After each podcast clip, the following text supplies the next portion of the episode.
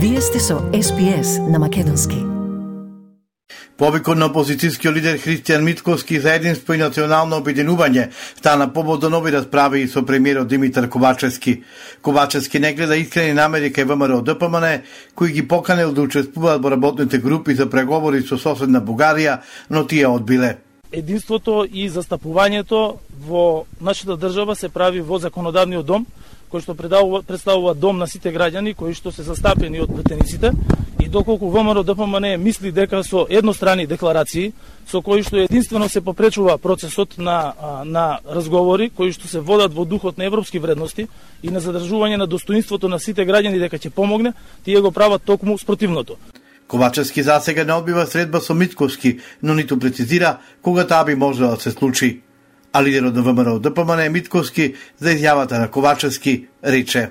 Јас не очекувам дека од луѓето кои што се слепи следбеници на заевизмот една порака, една, пора, една политика која што е жестоко поразена на изминатите локални избори на два пати, ке, ке бидат рационални и ке се издигнат над ситуацијата и ке застанат еднашка во одбрана на македонското национално достоинство и да ги штитат македонските вредности.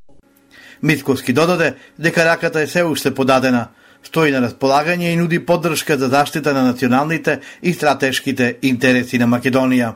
Бурни реакции по вчерашната манифестација на одбележување на Свети Трифун во Кавадарци. Владиката Повардарскијагат ангел во својот говор пред на собраните кавадарчани ја искористи приликата да зборува за државни и политички теми. Длабоко од душата и срцето верувам дека нашиот председател на големата и најсветла е партија, партија ВМРО ДПМН господинот мицкости, се оно што го дадовме верувам дека ќе го вратиме назад. Први со него а потоа и со Божја помош. Јас верувам дека Бог Спасителот наш Исус Христос, Мајката Божја Богородица, која е заштитничка на оваа света македонска земја, ќе му помогне него и на сите негови соработници да се онаш пред наше свето македонско национално ќе го вратиме назад и нема да дозволиме некој кој не ја чувствува Македонија емоционално да ја одредува судбината на нашата македонска земја. На говорот на Гатангел, остро реагираше министерот за локална самоуправа Горан Милевски, кој исто така присутствуваше на манифестацијата во Кавадарци. Јел мислам дека е срам за мантијата која што ја носи и повеќе му прави срам на црквата отколку што е, тој самиот си прави срам за себе си бидејќи да беше свесен што зборува, тоа немаше да го кажи. И како што кажа Како што црвите и мувите се штетници за лозарите, така господинот Агатангел, ако можам да го наречам господин, е штетник за црквата, за народот и за граѓаните. Милевски при својата изјава за медиумите бил прекинат од страна на граѓаните кои му порачале дека цитирам мафијашките работи мора да прекинат. Медиумите експресно побара став за говорот на владиката Агатангел и од председателот на ВМРО ДПМН Христијан Митковски, а тој рече Доста се поделби да се обединиме околу македонските национални интереси. И во таа насока го а, коментираме говорот на господинот Агатанг. Напротив, не сметам дека е подполувачки. Мислам дека е достоинствен. Од МПЦ вела дека не е исклучена можност да ова прашање да биде отворено на селница на синодот, додавајќи дека не е прв владиката Агатангел со своји коментари да излегува надбор од неговите надлежности. Членовите на еврејската верска заедница Лев Тахор беа забележани во Македонија по талкањето низ повеќе европски држави, од кои беа депортирани, со што нивното присуство ги вознемири граѓаните на Куманово. Комисијата за односи со верски заедници е запознаена со групата странски државјани, чие присуство во Куманово призвика реакции во јавноста. Далијан Сотиловски, директор на Комисијата за односи со верските заедници и религиозни групации, потврди дека тие се припалници на еврејската секта, но дека во Македонија немаат дозвола за какви било верски активности. Фрлани се јајца и искршена е вратата на куќата во Куманово, во која се доселија припадниците на еврејската група Јави Телма.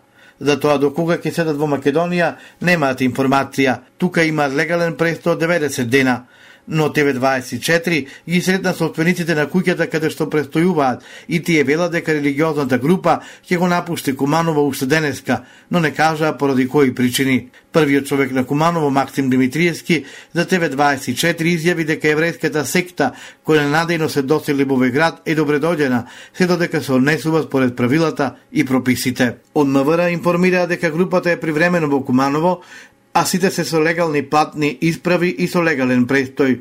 Поред нив, групата не представува никаква опасност за жителите.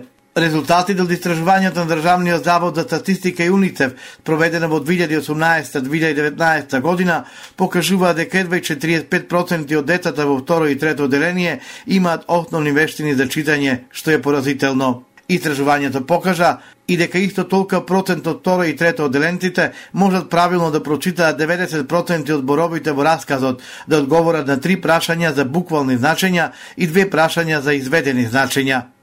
Во исто време 68% од децата на оваа возраст успеале правилно да ги прочитаат зборовите, но само половина од нив точно одговориле на прашањата за изведени значења.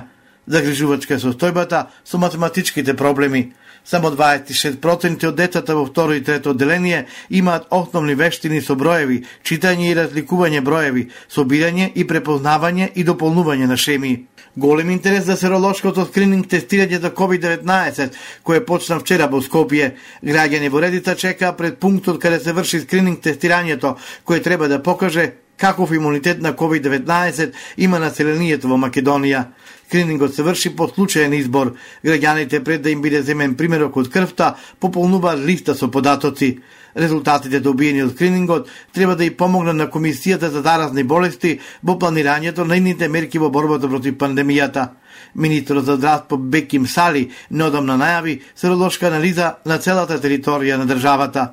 Подвидот на сојот Омикрон, како што некои научници го нарекуваат стелт Омикрон, стигна и во Македонија, поточно регистриране кај тројца заразени COVID пациенти, дознава Фокус. Во последните 24 часа направени се 1707 тестови, а регистрирани се 465 нови случаи на COVID-19. Има и 92 реинфекции, има 1880 оздравени пациенти, а во текот на изминатите 24 часа регистрирани се 20 починати лица. Бројот на активни случаи изнесува 9699. Сакате ли да чуете повеќе прилози како овој? Слушате подкаст преку Apple Podcasts, Google Podcasts, Spotify или од каде и да ги добивате вашите подкасти.